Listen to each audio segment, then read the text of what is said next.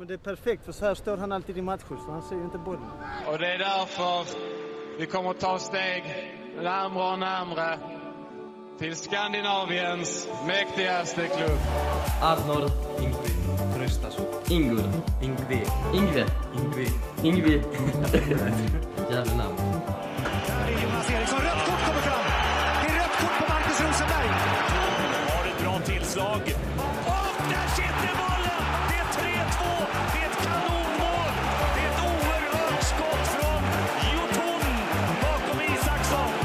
Följer med fram igen, får bollen och så hur bra som helst. Kommer det läge, det sjunger mål! Ett oerhört vackert fotbollsmål av Malmö FF där Anders Christiansen är inblandad egentligen från början till slut. Det, det är ju rätt så stor eh, del av livet. Bara så att, eh, men eh, det kommer alltid stå så att Malmö har en speciell plats. Nej, det är här jag är född, det är här jag har min familj och eh, det är här jag trivs bra. Ja, då, välkomna till Himapodden och idag har vi en duointervju med eh, Mattias Concha och eh, Marcus Hallsti. Välkomna! Tack!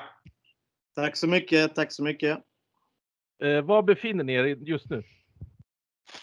Eh, Jag befinner mig i, just nu faktiskt på Costa Blanca där mina föräldrar bor. Vi har en sån här kusinvecka om året där vi försöker få ihop alla bröder och alla barnbarn och alla farmor och farfar och hela balletten. Och just den här veckan när ni eh, ringer mig så befinner jag mig här. Var är du Halsti? Ja, rätt tätt faktiskt. Det är nära. Jag är i Helsinki. Så det är också ett... Eh, men nej, man ska inte skoja. Det är ändå eh, 22 nu utanför, så det är, det är fint. Enorm hetta alltså. Vad sa du? Trollhättan? Enorm hetta. Det är mycket varmt. Ja. Ja, ja. Det har varit varmt här. Varmt som fan. Ehm, jag tänkte också så här, för de som inte vet, nu vet ju vi vilka ni är, men om man mot förmodan inte vet vem ni är, skulle vi kanske bara med kort, några få rader, om ni gör en kort presentation av er själva och ni kan välja vem som startar. Ja, vi presenterar oss själva menar du? Det är bara ett kort, bara säg kort, någonting kort. Okej, börja du Mackan. Okej. Eh, ja, jag spelade i Malmö ju typ eh, 08 till eh, 14 och gjorde faktiskt, jag tog tre, fyra stycken mål också. Det är ändå hyfsat bra rekord. Och en finne som, som har nu som sagt spelat lite i Malmö och har ett, ett fint tid i Malmö. Håller du med om det Mattias? Ja, ja absolut. Det var en härlig människa i laget och en, en fin, underbar, bra fotbollsspelare. Bob Evans ska jag bara säga. Nej, men han, eh, han var härlig att ha i laget, Mackan. Tack. Okej, vem är jag då? Eh, Mattias Concha. Jag spelar egentligen i Malmö. Jag är uppvuxen i Malmö kan man säga. Jag började 1993 i Malmö. Ungdomslagen. Kom upp hela vägen. Eh, gjorde allsvensk debut. Eller egentligen superettadebut. Eh, 2000 tror jag. Blev uppflyttad i A-laget 99 på hösten. Och gjorde allsvensk debut 2001. Sen spelade jag där några år fram till 04. Så det var min första Malmö-session, så det var ju många år där. Och sen var jag iväg några år eh, och kom tillbaka, vilket år var det nu? 12 tror jag. Jag var där 12 till 14. Det stämmer. Ja, något sånt där. Två och ett halvt år innan jag eh, kände att det var dags att dra mig tillbaka. Ungefär så. Ska du säga också att det var skönt att ha också Mattias i laget. det var det. Jag minns fortfarande den jävla, vad var det, floskelbok? Som du håller på. Var det rätt? Floskelbok? På Ja, svenska? ja. Fl- Floskelboken. Ja, ja, men det är en rolig historia med den. För när jag spelade där först, alltså första sessionen så hade ju, jag tror det var Mattias Tylander som hade den. Som höll på att skriva upp massa roliga floskler och felsägningar i laget. Um, och sen så stack han till AIK tror jag, eller jag minns inte. Så hamnade boken där. Och, och det tyckte jag var lite kul så jag tog upp, eh, jag tog upp den boken och fortsatte skriva eh, något år där innan jag stack. Och sen så råkade jag göra det stora misstaget och lämna honom på Josef Olangas plats. så, jag tror den boken, den, den försvann. Eh, men sen när jag kom tillbaka andra sessionen då, 2012, då var det ett otroligt roligt gäng som hade en, eh, ja, ungefär 12 felsägningar per träning. Och då tänkte jag, måste ju skrivas upp och, och, eh, och minnas på något sätt. Så jag startade floskelboken. Så att eh, sen fylldes den på så kom alla till mig. Åh, vet du vad han sa i duschen? Du måste skriva upp det här. Vet du vad han sa? Så du vet, alla sprang ju till mig och, och skulle eh, berätta vad lagkamraterna sagt. Så det blev en rätt rolig samling till slut. Och vad är den boken idag? Eh, den är hemma hos mig i Marbella. Den står Har du, no har du något i minnet du kan ta? Snälla, någonting som är intressant. Vad Marcus gärna om han, han finns i boken. Nej, Ja, fan, Marcus, du var ju själv med rätt många citat i den boken. det är ingen konstighet där. Minns ni något som någon sa då? The Book Ja. of Floskels. Det fanns ju många. Ehm, Det fanns ju Pavel Cibicki, han var en, en av dem som var med allra mest i boken. Och Erdal Rakip och det var... Det var ju det var som sagt ett roligt gäng. Petar, eh, Petar var också med mycket. Men han sa ju någon gång att det roliga historien med, med Pavel, han föddes ju, han sa så, jag föddes på båten mellan Sverige och Polen. Men jag gjorde min dopning i Sverige. Alltså han döptes i Sverige. Så sa han, jag gjorde min dopning. Så vi fattade ju inte vad han menade. Vadå? Har du dopat dig eller vad fan? Vad, menar du? Så att, ja, det, det blev rätt roligt när han försökte förklara då vad han menade, men han fick inte fram rätt ord. Men det var bara en jag kommer på, men det finns ju... Jag kommer ihåg när vi åkte på resor, jag hade alltid med mig den här boken. Och då, och då vid ett tillfälle så fick Åge Hareide tag på den på planet. Åh Han satt, och han satt ju där med ledarstaben och du vet, och de skrattade så de grät. Eh, så de satt hela resan och bara garvade. Ja, det var rätt roliga minnen. Alltså, Ja, på tal om, på, Jag tror det var de tre som hade alltså 70 procent av den bok. Alltså eller de fyra. Det var Pavel, Erdal, Peter, jag vet alltså. Ja, var också med. Ja, ja, ja. Så att det var, ja. Bra minne. men på tal om Åge Hareide, vad, vad skulle ni vilja säga om honom som, som tränare? Skulle han kunna träna Malmö idag? Alltså, ja, jag har ju bara, alltså, jag har, jag tycker att han var en av de mina bästa tränarna som jag har haft, så jag har ju bara goda, goda saker att säga se om honom, så, alltså varför inte? Alltså, han tränar nu i Rosenborg så att han har ju, han, han vill ju, han är en otrolig vinnarskalle, han vill ju vinna och göra allt till att vinna matcherna och bra motivera och ja, alltså varför inte? Nej, men jag, jag tyckte Åge också, jag håller med, att han var en, man har ju haft hur många tränare som helst i sin karriär, men, men i slutändan när du kokar ner vad som är, är en bra tränare och inte en bra tränare så det jag gillar med Åge, det var att han hade väldigt mycket pondus, men han hade väldigt mycket humor. Mm. Och, och den där, många som har mycket pondus spelar ofta på sin pondus och blir lite torra för att de hela tiden ska vara ganska seriösa. Men han hade väldigt mycket pondus, men han kunde skifta chippet ganska snabbt och blev otroligt rolig och varm och, ehm, eh, och, och var en tränare som brydde sig om spelare och pratade mycket samtidigt som man kunde byta chippet ganska fort och blev någon man såg upp till och, och lyssnade på. Så att det var egenskaper som jag tyckte han eh, använde och, och reglerade väldigt bra. Sen tycker jag han var en väldigt bra taktiker. Han gjorde sina matchplaner väldigt bra och, och analyserna bra och så vidare. Så att jag tror absolut han, eh, han hade kunnat eh, ta över vilket lag som helst egentligen. Vi som fans var ju väldigt imponerade över Åges eh, psykologiska krigsföring. Eh, hur påverkade det er som spelare också att han var så hög svansföring i presskonferenser och matchsnack innan det var stora matcher?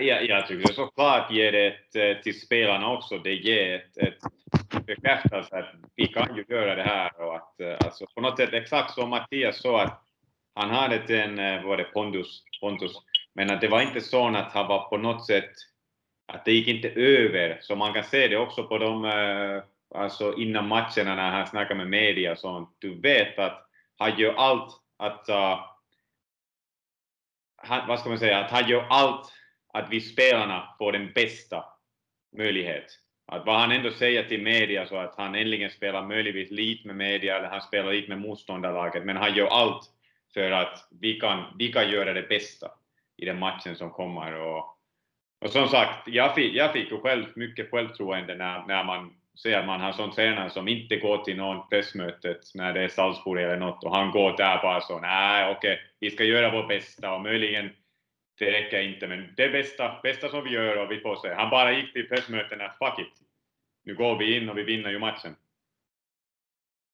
Ja, men jag håller med, jag håller med. Han, eh, han anammade ganska fort vad Malmö betyder. Alltså Malmö det är, det är ett lag med mycket självförtroende och vi har alltid trott på oss själva. Och, och det är klart att ute i Europa, det är klart att man ska ha en kanske en lite ödmjukare approach.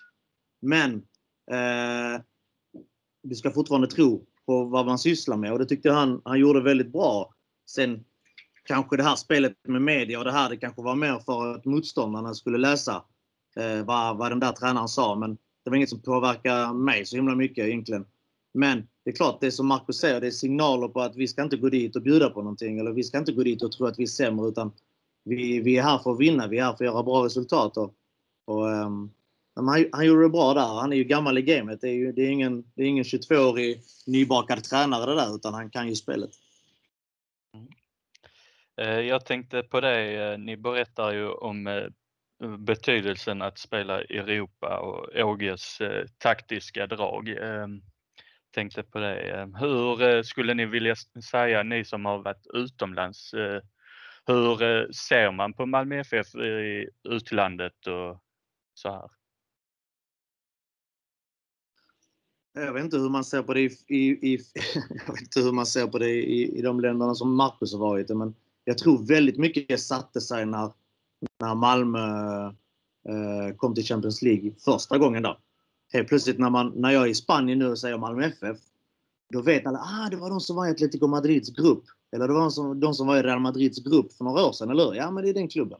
Så att, eh, på så sätt tror jag att man, man satte ett stort avtryck i Europa. Sen så såklart, det, det är en av Skandinaviens största klubbar men det är klart att du tar det där lilla extra steget och blir erkänd storklubb när du, sätter, när du spelar mot de allra största så är det helt klart. Jag kan berätta just en sak man ser just i Finland och Danmark, så klart när man går till Champions League så man får ett helt annat status. Det, det är så in, såklart innan också, om man till exempel tar i Finland, om du går och spelar i Malmö, alla förstår att det är ju den, det är ju den klubb i Skandinavien som är den största, en av den största, absolut. Men nu när man går till Champions League och man har spelat nu i Europa League två gånger, gick vidare i gruppspelet och allt annat, så alltså Malmö är, ja, det, det är en, en maktklubb i Skandinavien. Sen såklart är det ju en bit kvar som Mattias sa det till, till uh, de stora klubbarna, eller stora länderna, så är det såklart ett, ett ja, rätt stort steg. Men, men i Skandinavien så kan jag säga att i Danmark och Finland så man har ett, ett otroligt stort respekt till Malmö. Men framförallt att, att de känner igen namnet, det är det. Alltså de förstår att det här är inte, det här är inte i nivå med Real Madrid och Barcelona och Paris Saint-Germain. Det förstår man. Men att, att namnet klingar, att de känner igen, ah, Malmö, Malmö. Det är klart att här i Spanien så, så har det satt sig. Eh, efter just de här Champions League-åren. Och varje år man är i Europa, varje år man läser, till exempel Cluj i Rumänien. Det hade vi inte vetat om inte de hade gått ut och spelat i Europa. Helt plötsligt så, ah, okej, okay, ja, det, är den, det är den klubben och så vidare. Så att ju oftare klubbarna syns i europeiska sammanhang, desto mer sätter det sig hos folket. Så är det ju helt klart. Ja, det har ju satt sig det här med Hexenkessel. Alla tyska och, och, och eh, österrikiska klubbar vet ju om det där är farligt att åka upp i Malmö. Det är inte enkelt att ta poäng där uppe. Det har de ju fått eh, klart för sig. Eh, vi ska se här. Um, vad tycker ni krävs för att MFF ska etablera sig i de europeiska ligorna? Jag tänker främst eh, Champions League. Och kan man göra någonting mer än vad man gör just nu? Alltså etablera i Champions League är ju hyfsat svårt. kan vi säga. att det, det gör inte många klubbar i världen. om vi snackar så att om du menar att man ska vara där halvannan, alltså inte varje år men ändå, men, men eh, äh, att det är svårt. Såklart allt börjar i Allsvenskan också. Eh, Allsvenskan, och den är ju, igen om man kollar från, från Finland till exempel, så Allsvenskan är ju mycket högre än vad finska ligan är. Och det, det börjar ju där när man har en, man får många, många lag till Europa, man kommer få de poängsystem, vad heter den, koefficiens eller vad är det den poäng som man får? Så att, så att då är det, gör det lite lättare att gå till Champions League, men vi ska ju vara ärliga och säga Champions League är ju ett dröm. Men du kan ju hjälpa till. Hur ska vi, hur, hur ska vi slå Helsingfors? Vad har ni för svagheter? Det blir svårt, det blir svårt det är bra klubb. Men, nej, men, men att ändå snackar vi att om man går till Champions League så det händer inte ofta att Malmö har nu gjort det två gånger i, om vi tar den senaste sju år, vad var det, två gånger i gruppspel till Champions League, två gånger i vidare i, i Europa League från gruppspelet. Så det, det är ju fan med det starkt. Tänker så. Ja, det är klart. Det är klart. Alltså, jag tror först, först gäller det att bli dominant i Sverige. Och för att överhuvudtaget tänka på eh, på Europaspel. Jag, jag menar de åren vi var i Europa, då var vi helt dominanta i Allsvenskan. Alltså, då var vi överlägsna. Det är klart att det speglar sig också att du, då klarar du en viss nivå ute i Europa. Så att det är nummer ett, bli dominant i Sverige och, och, och, och, eh, och vara en liksom säker allsvensk vinnare varje år. Först då kan du börja tänka på att etablera dig i Europa. Och sen såklart, hålla ekonomin, orka kunna köpa in nyförvärv, kunna ha en trupp som, som tål skador, orka ha en trupp som tål rotation, orka ha en trupp som har den kvaliteten för att kunna spela och, och tävla mot de allra bästa. Det är den stora utmaningen såklart. Eh, vad jag tänkte på eh, Marcus, eh, MFF har ju som välbekant eh, tagit in en landsman i Niklas Mosander, eh, hur skulle du vilja säga att hans eh, status i Finland är? Och har du gett han några tips och frågat eh, han något dig om eh, Malmö innan han blev klar? Ja, om vi säger lite hans status, att han var ju ett, eh, ett lagkapten i finska landslaget och han har spelat, jag vet inte hur många matcher han har spelat, typ 70 eller något sånt i, i landslaget, så han är otrolig Alltså, alla tycker om honom och han är en, en bra person och otrolig. Uh, har stor respekt i Finland som en spelare. Uh, sen har han såklart spelat, när vi tänker finska nivån, så Niklas har spelat på bra klubbar. Vi har inte så många spelare som har gjort sån internationell karriär som, som han i Ajax speciellt. Och sen eh, vad kommer det om Malmö så, så ja, vi hade ju lite snack innan.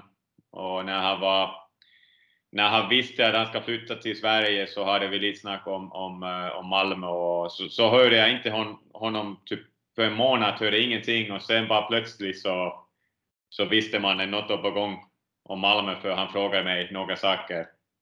Vad frågade han?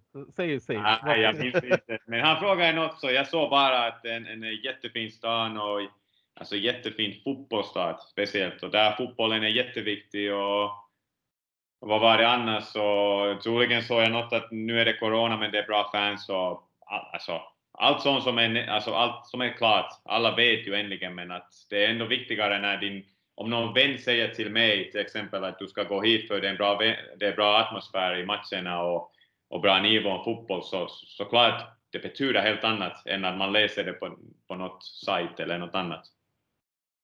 Men han är en bra kille och en bra vänsterfot speciellt och spelande mittback. Så att eh, det blir spännande. Jag har inte sett honom att spela för några år så jag kan inte säga så mycket om honom annars men att, att han är, när man spelar med honom bredvid honom så han var ofta den som gör de svåra passningarna. Han kan göra fina vänsterpassningarna och, och vill ju spela bollen. Eh, vad jag tänkte på, eh, du beskriver honom som en passningsskicklig mittback Marcus. Eh, tror du det kan bli, bli, kosta, betala sig i svårigheter för er eh, nu när ni möter Malmö på onsdag, om han nu kommer till spel? Alltså, har vi match mot Malmö onsdag? ja, det får vi se om han, uh, han, han är med eller inte. Det, det är vi inte helt säkra heller här För att han har nog precis kommit till laget. Eh, Men det hoppas jag att det kostar inte oss. Släpper du förbi Malmö-spelarna när de kommer på där? Du vet, du, du gör det om du spelar, eller hur? Ja, troligen. Ja, bra, Jag tack. vet inte, nej, jag vet inte hur det går nu. Vi har ju helt, vi har ju till exempel här i Finland så eh, det är rätt, eh, rätt stängt. Alltså, vi hade ju typ fortfarande, vad var det, tre veckor tillbaks. Man kunde inte vara, om vi hade hemmamatch till exempel för bortalaget, måste ha ett helt annat omklädningsrummet. Alltså väck från oss. Så det var bara så konstigt sättet att bortalaget kom in till vår stadion på ett helt annat dörr. Alltså det var, det var, ja men det var corona, nu är allt lite speciellt. Ska ju vara. Så det är bara sådär. Ja, man får leva lite annorlunda, men eh, det börjar ju lätta lite grann. Förhoppningsvis så blir det mer och mer publik på matcherna och eh, det är väl rätt hyfsat normalt i Malmö. Men det är väl mest att publiken inte, det blir inte den häxenkessel som du är van vid. Ja, om du frågar mig så jag, jag faktiskt såg det till några grabbarna att det äntligen, äntligen är det synd att det blir inte det för det är alltid, jag vet inte fan om det var roligt till motståndarna men det var ändå sån ett, alltså det är fint att se som fotbollsspelare. Konsan har, han har nu spelat i Dortmund och allt så han vet ju allt om såna men speciellt när man kommer från Finland så det är många som har inte upplevt sånt. Eh, men nu, nu blev det inte det men, men ärligt talat jag tror det är bättre till oss i HIK. Jag vet att ändå om det är 5 500 så det blir ju en bra stämning. Men det är inte samma som 2023. Det är en fördel för er om det inte är publik, så kan man väl säga. Ja, ja. Om helt ärligt. Eh, Concha, jag tänkte på det. Kommer du följa matchen på plats eller du kommer att följa den där nere från Spanien? Ja, på plats kommer jag absolut inte följa den. Eh, men eh, på, eh, på länk kan jag absolut tänka mig att följa den.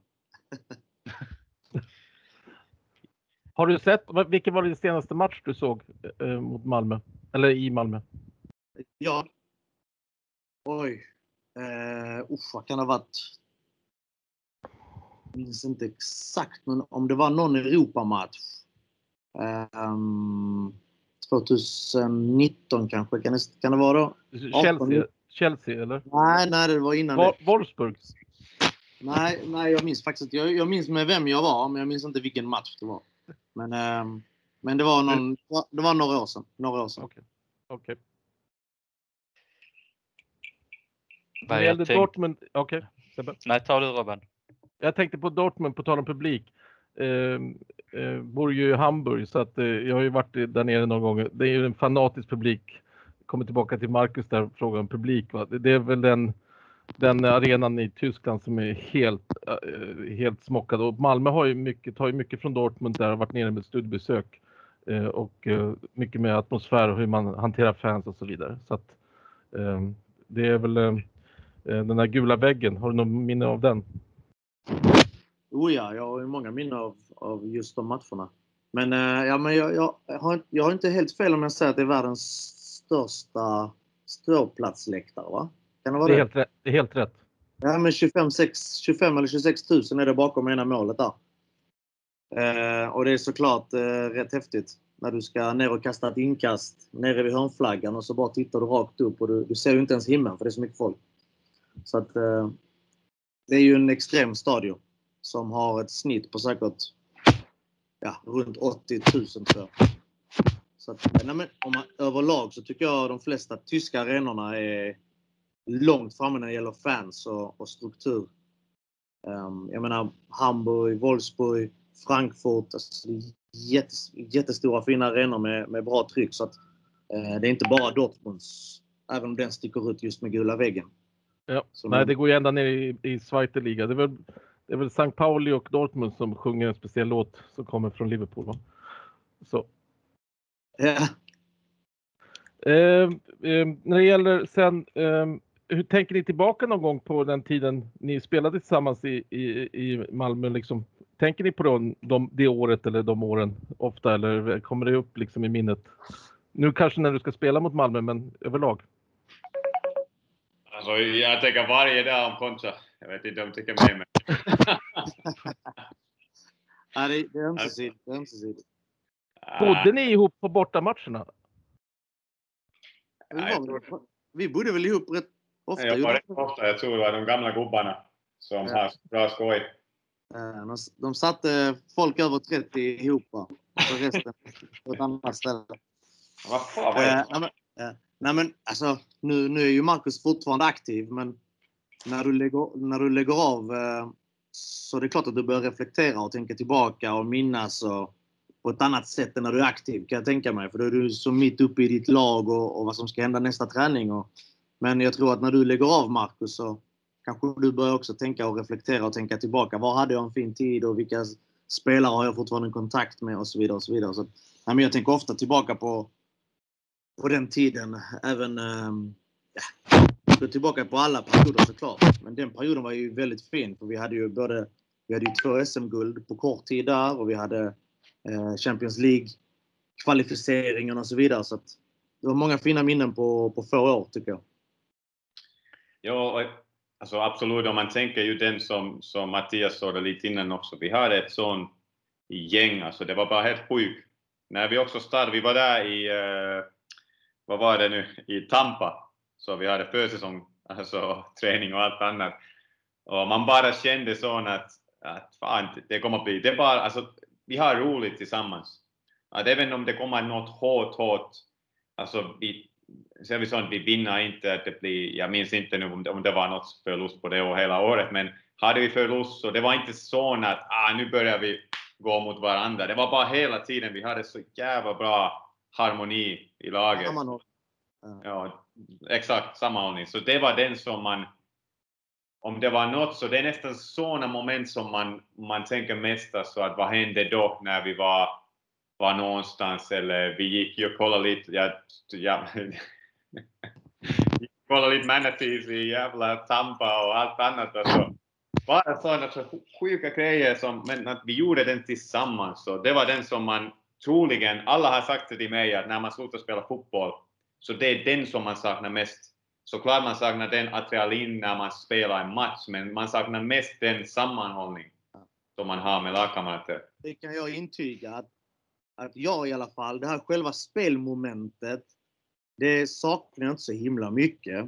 Jag behöver inte gå ut där och spela en match, även om kicken att vinna och allt det här. Men själva spelmomentet kan jag vara utan. Men just sammanhållningen, just omklädningsrummet, just resorna, just bussresorna, just hotellnätterna, just alla de här utflykterna vi gjorde tillsammans.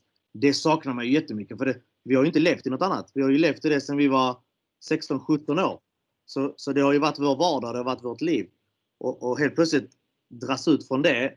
Det är klart att det är en stor omväxling för dig. Och det är därför de här minnena blir extra roliga när vi eh, åkte ut och tittade på sökor, som du kallar dem. Sökor. Men det var fint, det ska du inte ta väck. Det var fint att komma väck från, eh, vad var det, Bradenton? Eller vad fan var det? Ja, vi, hade, vi hade jävligt roliga resor. Men, och sen det som Marcus säger, mm, så här i efterhand, de åren man har vunnit ligor, de åren man har kommit högt upp i tabell, eh, det är ju de åren man har haft bäst sammanhållning. Och, det som, som Marcus var inne på, att man märkte redan tidigt på de här åren att det finns ju ingenting som kan rubba oss. Det finns inget lag i Allsvenskan som överhuvudtaget kan rå på det här laget. Man märkte tidigt att kvaliteten fanns, många spelare var i form och sen hade vi jäkligt kul allihopa. Vi, vi hade inga jobbiga grupperingar utan alla hängde med alla. Och det är klart att det behövdes små spindlar i nätet mellan äldre och gamla, mellan utländska och inhemska som, som höll ihop allting. Eh, och det är klart att eh, när du har de här personerna på plats och allting funkar, då, då är det en, ett vinnande koncept såklart. Kan du nämna några spelare som var spindlar just, som ni kommer ihåg speciellt? Som var lite olja i maskineriet här. Nej, alltså. Alla, alla var ju tvungna att ta sina roller såklart. Um, men jag bara minns personligen så var ju lite av min roll när jag kom tillbaka. Jag kom tillbaka som 32-åring, kommer tillbaka från en jobbig skada. Mitt mål var bara att vinna SM-guld och få, få en grupp som fungerade. Jag tog rollen som spindel i nätet. Eh, jag vet inte om ni uppfattar mig så, men jag försökte ta den rollen i alla fall. Att, att vara med de unga, vara med de utländska, få alla må bra, ha roliga träningar, göra grejer tillsammans, bjuda på grillningar. Kommer du ihåg Marcus? Vi, vi gjorde väldigt mycket. Eh, så mm, jag tog på mig lite av den rollen, men det fanns fler som hade den rollen såklart. Det var lagkaptenen var tvungen att ta på sitt håll och du som utländsk spelare, Marcus, du var finne. Du var kanske tvungen att hålla ihop eh, de som du i ditt gäng och så vidare. Så jag tror alla tog lite av, av, av de rollerna, eller vad tror du? Ja, nej, absolut. Jag, som du säger själv så såklart, du hade, du hade mycket roll där och jag tror nästan det viktigaste var, när vi tänker så, att alla kunde vara själv. Alltså det var inte så, man kunde bara vara så jävla, ja man ville vara idiot som man var en idiot, men som man ändå på något sätt, vi visste att okay, han är bara han själv nu. Vi har ju några som säger några dumma saker, eller, eller en finne som tror att han kan, han kan prata svenska, eller, något, alltså, eller en gammal gubbe som kommer från uh, från Tyskland och tror att han kan styra allt. Alltså, men det var bara, vi, alltså, vi var vi, alltså själv. Så det var det viktiga. Och sen har man ju spelarna som dig, eller, eller eh, kanske inte spelarna, men personer som dig och, och några andra. Och, och jag tycker bara att vi har det, alltså otrolig mix av människorna, som, mm. som, själv som spelarna men också som personer. Och som på, på, ta, ja. på tal om eh, ord och så vidare, det, det är ett uttryck där med Sempa det är ju en flagga som eh, viftas alltså på Malmö FF-matcher ända sedan du lämnade, det vet du va? Ja, jag vet ja. Okay. Har du någonting att säga till dem som har gjort den flaggan och viftar den än idag? Den kanske dyker upp på onsdag, vem alltså, vet? Har, har, vi, har vi pratat nog om var detta ordet kommer ifrån? Okej. okay. ja, ja, jag tror ju i min iver att det var jag som myntade det här ordet med Marcus Alsti, men jag kanske har helt fel. Men kör! Nej, nej, du har rätt jag, jag har ju trott att det var jag som, som höll på att driva med det här. Sempa nu kille, för fan satane. Och sen så, jag, jag tror att det kom därifrån, men det... det, oj. Alltså, jag, kanske, jag kanske helt snett på det, Marcus. Du moppar mig varje jävla dag med den. Så tänkte jag så att fan, den tar jag. Den kommer att följa mig hela mitt liv. Så det är, din, det, det är ditt uttryck, Mattias? Ja, men, alltså, jag, jag tror att det är mitt. Men jag, jag vill inte prata så högt om det, men... Eller det kanske är någon annans. Nej, det man, ja, ja, alltså, jag minns inte, men jag är nästan 99% säker att det är Konsa som har Mattias som har börjat på den, för det var inte någon annan som kunde göra det här där i laget. Jag tror det var Mattias. Det, uh, nej, men om vi ärligt talar så klart har jag, jag tror jag har skickat några meddelanden också till de som har gjort det och sagt att såklart är det, om vi snackar nu ärligt här utan skoj, så är det såklart otroligt fint och att man, man ser att man har ju lämnat ett, ett på något sätt något, är det märke eller på något ett, ett arv har du lämnat efter dig? Ja, lite sånt om man kan säga. Ett finskt spår har du lämnat efter dig. Vad sa du? Ett finskt spår har du lämnat på... Ja, något sånt. Så det, såklart det gör ett. Och, och, och, speciellt när Mattias också var lite på gång, så när man har slutat karriär så det är sådana saker speciellt som man också minst den bästa. Att, uh, inte något såklart att vinna SM-guld allt är otroligt fint, men att man kan säga på något sätt att det är fortfarande några som minns, även dock att jag spelade ju sju år tillbaks, min sista matchen där, så är det ju det är jättefint. Och tack såklart. Eh, jag tänkte ställa en lite känslig fråga. Eh, vilket är egentligen Skandinaviens bästa lag idag?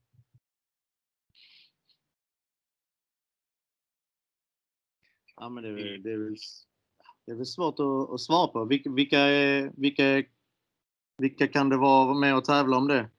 Malmö, Rosenborg, FC Köpenhamn, eller? Är det de tre största klubbarna? Jag tror Midtjylland kan vara rätt nära, eller Bröndby, men jag är inte helt säker om det. Men, men att Midtjylland är på gång såklart, att de har vunnit rätt mycket. Men det är den starkaste. Det är den starkaste, den bästa. Svårt att säga. hur mäter man vad som är bäst? Hur många, hur många gånger man är i Europa? Det, det, är, upp, det är upp till dig, upp till dig själv. Upp till dig själv. Det är upp till dig själv.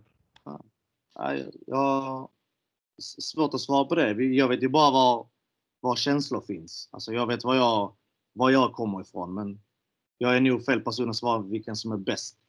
Mm. Vad som är bäst för mig är inte bäst för någon annan.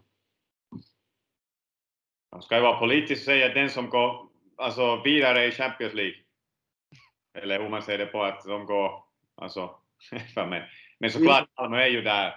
Alltså, det... Jo, men det, det, är det jag menar. Det är svårt att mäta. Vad är, vad är bäst? Den som kommer flest gånger till Europa? Den som vinner, vinner flest? Alltså... Det är helt subjektivt vad du tycker. Ja, ja. Så säger man bara Malmö. Så är det. Ja, det var rätt svar. Men, men Yes. Eh, har ni någon kontakt med någon från eh, MFF-tiden när ni spelade? Ja, lite. Jag har ju såklart med Johan Dahlin, jag spelade ju med honom också i Midtjylland så att eh, vi har spelat också efter, efter Malmötiden. Har ni snackat innan matchen nu då? Nej, nu har vi inte snackat något. Med Frans har jag snackat lite. Brorsson, vi spelade också i Esberg. Ja. Som är bara, men bara ett, ett vi ses snart. Något sånt lite Är det, skoj. någon, är det någon klubb i Skandinavien du inte spelat i, Hallsby? Ja, jag tror det finns några i Sverige. Ja, ja. Men, eh, nej, men det, för min del är det några stycken kvar. Eh, Jeffrey Aubin faktiskt, han är väl assisterande idag. Eh, Stämmer.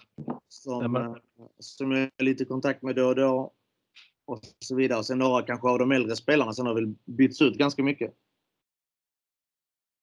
Men jag har ju också såklart där när man, när man tänker hur gammal man är så bara, bara se på staff. Man känner ju nästan alla där i jävla tränarstabbet. Men inte alla men.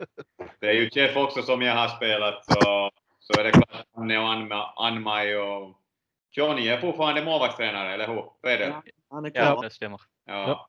Ja. Fan, han går inte väck alltså. Det är sjukt. Han var 25 år som målvaktstränare där. Nej, men eh, så det, det är rätt många. Det är med, alltså, sen Ola är ju faktiskt tillbaka, ja, men han är skadad nu. Toivonen. Ja, just det. Och sen kommer väl han tillbaka i uh, Georgsson. Kommer inte han tillbaka också nu? Jo, eller? han kom från Ja. Arsenal nu, ja just det. Hur eh, liksom reagerar ni på att eh, MFF tog in honom som eh, sportchef? Alltså, jag, kan du bara förklara, vad var hans roll? Jag har bara läst lite snabba notiser. Vad är hans Han- roll? Han eh, kommer ju gå in som sportchef istället för Danne eh, till nästa Danne- år.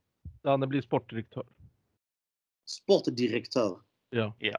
Okej, så det ska vara ett, ett, en roll emellan sportchef och VD? Ja, ja, nej men det, det blir väl bra. Han har säkert mycket erfarenhet med sig utifrån också. Och framförallt en bra relation och vet hur Malmö fungerar. Jag tror det är det som är det viktigaste. Ehm, så att eh, de vet väl... eh, jag tvivlar inte på att de vet vad de gör. Ja, jag, är på samma linje. Alltså, det är, speciellt det är jätteviktigt att man får sån som känner ju Malmö. Sen att han kommer, han har fått lite erfarenhet nu. Där från de stora världen så att... eh, ja, ja. Jag tror det blir bra. Marcus, har du någonsin bytt om i borta, borta omklädningsrummet på Malmö stad eller på Ledarstadion? Ja, jag tror fan, vi hade något, typ, något fotoshoot, alltså något har vi haft så att vi var där. Jag minns Okej. på någon gång, men alltså inte, såklart inte till matcherna eller något annat. Så att eh, det kan bli lite konstigt känsla, men, men eh, ja, så är det. Hur tror du det blir mottagen då?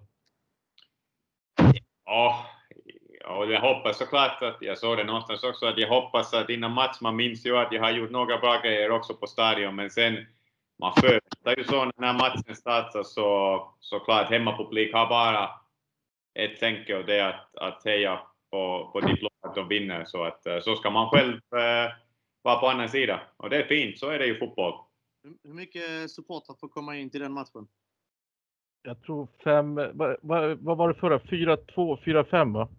Och sånt va? Någonting sånt. Över, strax över det var något 4 000. sånt. Strax Okej. över 4 000. Okej, Det är väl helt okej. Det är bättre än ingenting. 4 5 tusen pers kan ändå göra ganska bra eh, väsen av sig. Men, eh, men det är såklart en stor fördel om det inte är fullsatt på, på arenan. Mm. Du är-. Hur är det i Finland på returen? Är det, är det restriktioner på publik där? Ja, det är något, men jag tror de har precis, de, de lyfta, lyfta det, det var lite på väg mot bättre, men, men eh, nu, nu känns det att det är möjligen lite på väg till, till sämre faktiskt just nu, men, men jag tror fortfarande att man kan ta nästan hela, det tar ju 13 000 stadion här, Bolt Arena. Så jag, jag tror att man kan ta nästan fullsatt. Uh, men jag är inte helt säker om man, vi har, alltså jag tror det är fortfarande lite sådär att folk är lite rädda eller något annat att gå till matcherna. på något sätt att det är fortfarande lite som alltså, om coronasituation så, så att vi får se hur, hur många kommer till, till eh, stadion. Det beror såklart mycket om resultat onsdag och play- och play-matchen. Skulle vilja höra med er bägge. Hur såg era förberedelser ut när eh, ni spelade i Allsvenskan respektive i Europa? Var det någon skillnad på uppladdning för er personligen? Välj en klubb som ni hade utomlands och kontra Malmö stor skillnaden för oss när, jag spelade i Tyskland var att det var, övernattning både hemma och bortaplan. Det var alltid övernattning på hotell. Eh, även om det var ligan eller kuppen. Så det var en stor, ehm, det var en stor skillnad. Och sen har ju alla tränare olika filosofier hur man, hur man gör innan match. Vi hade vissa tränare som tog in oss en och en kvällen innan och gick igenom exakt vem vi skulle möta på vår kant. Eh, hur den personen slog frisparkar och hur, ja, alltså väldigt detaljerat. Så att, men jag tror den stora generella skillnaden var att man alltid eh, hoppar in i hotell natten innan. Ja, det är som Mattias sa, det, det, det beror så mycket om tränarna så alla har ju... Det är faktiskt många, man, man börjar känna lite, många tränare som fortfarande gör lite sådär att om de hade själv spelat så hade de nått, så tar de in som en tränare då gjorde jag också. Så ska ni göra också. Det är rätt, rätt roligt men men jag tror den, om vi vill nu gå till ett helt annan sida på Malmö, så när vi går till USA, MLS, så där går man till några bortamatcher, man går typ fyra dagar före. För att det, det är ju ett, eh, på annan sida av eh, jävla kontinent där, så man ska flyga också åtta timmar. Så att sen är det tidsskillnad med, vad var det, tre timmar eller något sånt. Så att det var ju lite annat än att gå från Malmö till Kalmar. Där kom, väl, där kom väl pressen in direkt efter match också in i omklädningsrummet i Ja, USA. ja, det var lite annorlunda också. Det var fint. Det var lite eh, skoj i, början, men, men eh, ja. Men du, Malmö-Kalmar, finns det någon tråkigare väg att köra i hela Sverige eller? Varför det kom Kalmar? Alltså, du menar Kalmar-Malmö? Tvärtom. Ja, ja. ja Kalmar-Malmö, motorvägen där. Alltså, den, är, den är ju hemsk. Ja, det, är nog, det är nog den tråkigaste faktiskt. Det är en lång och den tar aldrig slut. Ja, den är hemsk. Men sen hade vi till exempel i Danmark, är ju ett, såklart ett helt annan grej. Vi hade ju, jag minns alltid vi hade en, en uh, alltså John, uh, vad heter nu, en tränare, i- en spelare i Esberg. Så vi gick ju samma dag vi hade i Ålborg, hade vi match, jag tror vi hade match klockan 12 på söndag. Så vi åkte, jag tror vi åkte typ klockan 6 på morgonen med buss. Och jag tror matchen var efter halvtimme och jag minns rätt så var det 3-0 till Alborg. Så vi kan nu konstatera att det var, det var sista gången som vi åkte till sån tidig match på samma dag. Ja. Men det var John Lammers, ja, John Lammers hette han. Men han sa det också att så gör man i Holland. Så, ja. Oj. Det var bara en Eh. ursäkt att ni var kassa på halvlek. Det var, Tror skit, det? det var faktiskt skitdåligt. Ärligt talat, det var mitt... Jag tror det, alltså, värsta matchen i hela mitt... Eh, alltså, dans, alltså tiden i Danmark. Ärligt talat. Eh, vad jag tänkte på, eh, vilken var den roligaste respektive den jobbigaste ni fick möta under träning när ni spelade i Malmö? Motstånd eller medspelare, men som var jobbig att ha att göra med på plan. Oj. Ehm, vilka frågor? Och vi hade ju nästan behövt eh, förbereda oss på de här. Man har ju spelat mot så otroligt många spelare. Och jag har ju spelat där så många år så att... Eh, vad sa du nu? Vad var din fråga? Den, den bästa spelaren och den jobbigaste spelaren? Ja. Så den bästa spelaren så här i efterhand måste ju vara Zlatan. Måste ju vara den bästa spelaren, annars så skulle jag sitta här och ljuga. Eh, men det fanns ju många bra såklart. Men om man, om man tittar, alla jag har spelat med i Malmö så är ju den som har varit bäst och är ju Sveriges bästa spelare genom tiderna. Eh, jobbigaste spelaren? Ja, ordet jobbig är ju... Är ju eh, det är ett stort ord, jobbig. Hur man är jobbig. Om man är jobbigt bra eller om man är en jobbig karaktär som bråkar alltid eller vad man nu kan vara. Men alltså Niklas Skog var en jävla rättsstick alltså. Så stör, störig då, det är väl ett bra uttryck? Han var, han var rätt störig alltså. Han var rätt... Eh, han var, han var, han, det hände någonting när jag gick ut på banan. Det svartnade liksom. Vill du utveckla det? Nej, men han var liksom, han var ju, jag gillar honom som fan utanför banan, men på träningar och sånt, han kunde ju få bryten alltså. Och det, och det var inte bara mot mig, utan han, jag kommer ihåg en gång när han började kaxa upp mot Majstorovic som var ungefär en och en halv meter längre än honom. Och han började kaxa upp där och du vet, han nådde honom till naveln ungefär. Och, och Majstorovic bara så. Nej. Fortsätt inte. Lägg av. Okej. Så att, eh, nej men det var många, många roliga historier. Vad jag skulle säga, ni bägge har ju lirat med Markus Rosenberg. Hur eh, skulle ni beskriva hans eh, status idag? För Malmö FF? Ja, såklart. Det, det är svårt att säga något annat. Att den är alltså, otroligt viktig hur, hur Malmö, om man ser den åren när han kom tillbaka så vad Malmö är just nu, alltså MFF, så såklart hans betydelse är ja, stort, jättestort. Speciellt de framgångarna i Europa så, så och sen allt som har gått, som sagt som Mattias bra sagt att när man får de framgångarna i Europa då blir känd, Malmö FF blir känt igen och att, att man har såklart som ett lag gjorde det men, men Rosenberg var ju en, en otroligt viktig del av det här laget.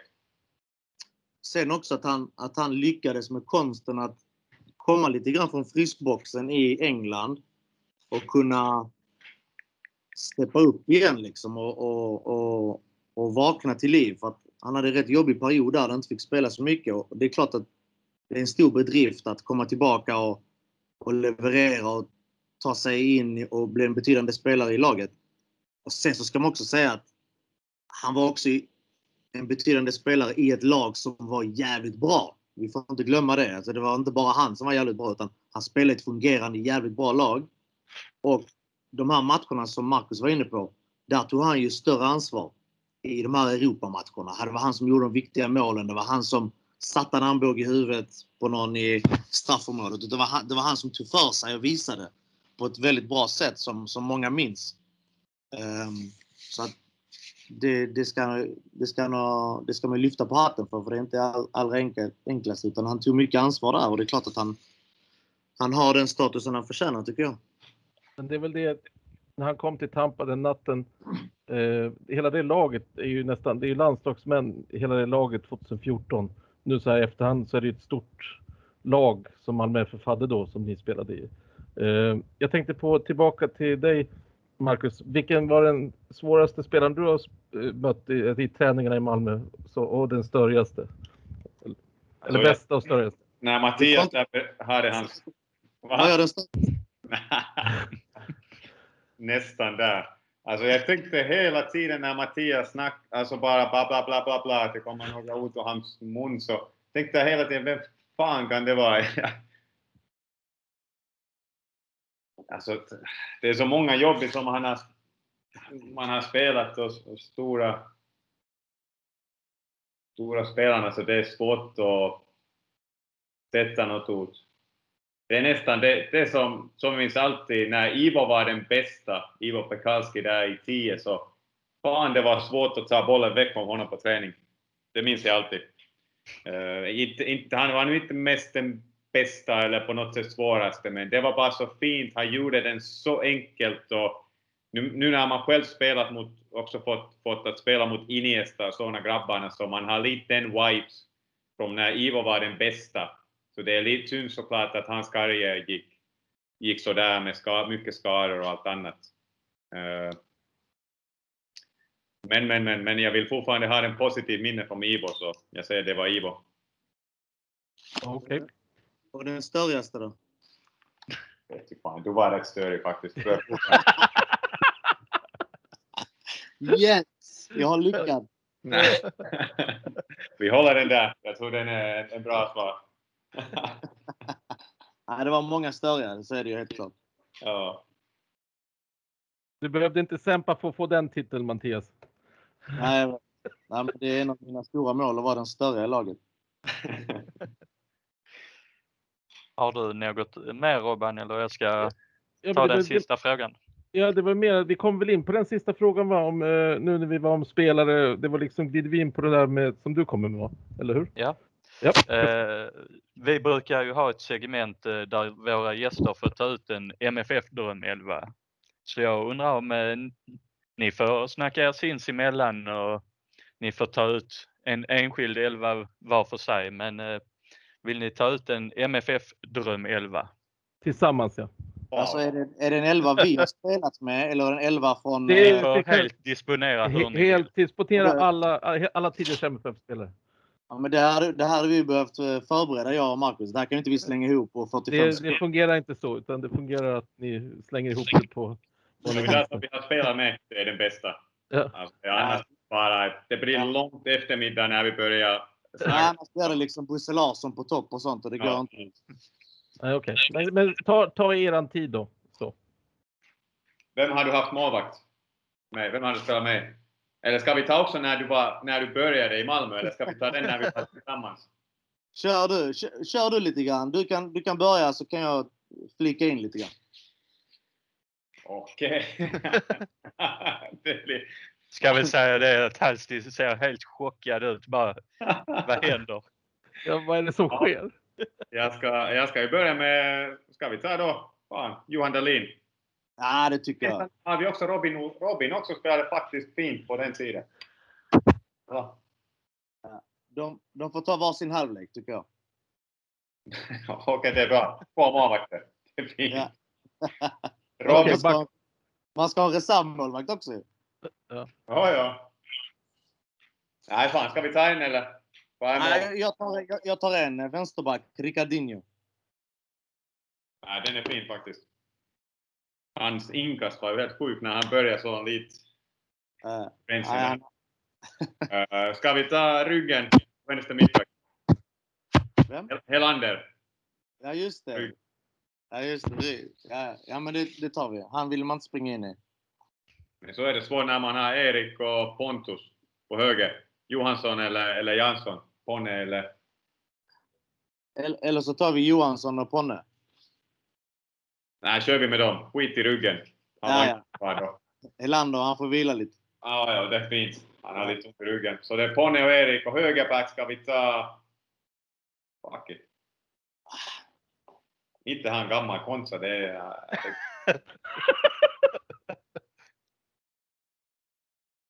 Fan alltså. men, vi, vi går vidare. Vi, vi suger. Vi får suga på den lite. Ja. Så tar vi Foppa till vänster. Forsberg. Emil. Vilken upp, upp, uppställning ska vi ha? Jag vet ju fan. Skitsamma. Vad kör vi? Eller 4-4-2. ska vi ta den? Ja. Då kör vi på det. Så Emil på vänster. Sen på mitten har vi... Uh, Ah, inte halst i alla fall. nej, fuck it alltså. Inte han. Skitdåligt. Man kan inte ens göra mål. Ah, vi måste ha några som kan trixa mer än till 10. Eh, jag hörde inte det, men jag tror det är bättre då. Daniel Andersson.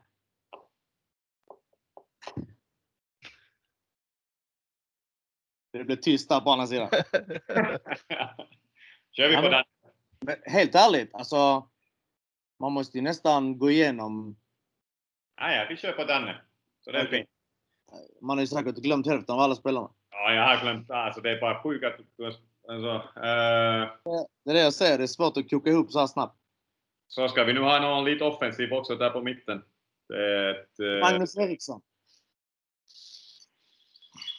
Ja, vem ska vi ta då? Höger sida?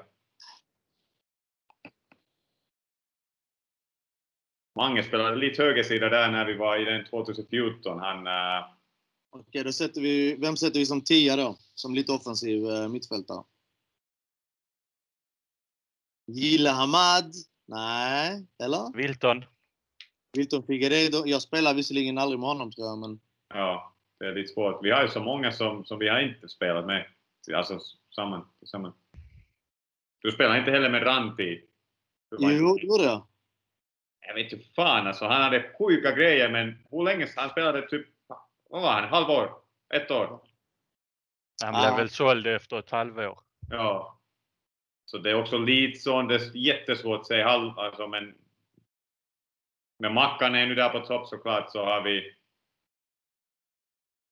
offensiv mitt, eller alltså nian. Uh, Kiese Thelin och Mackan, de, de kompletterar varandra bra där uppe. Vi tar bara det jävla Champions League-lag där. Utan mig. Copy-paste bara. Vem, vem, vem var på höger? Vem spelar på höger? Alltså, Eh, Gille. Spelar inte han högerut?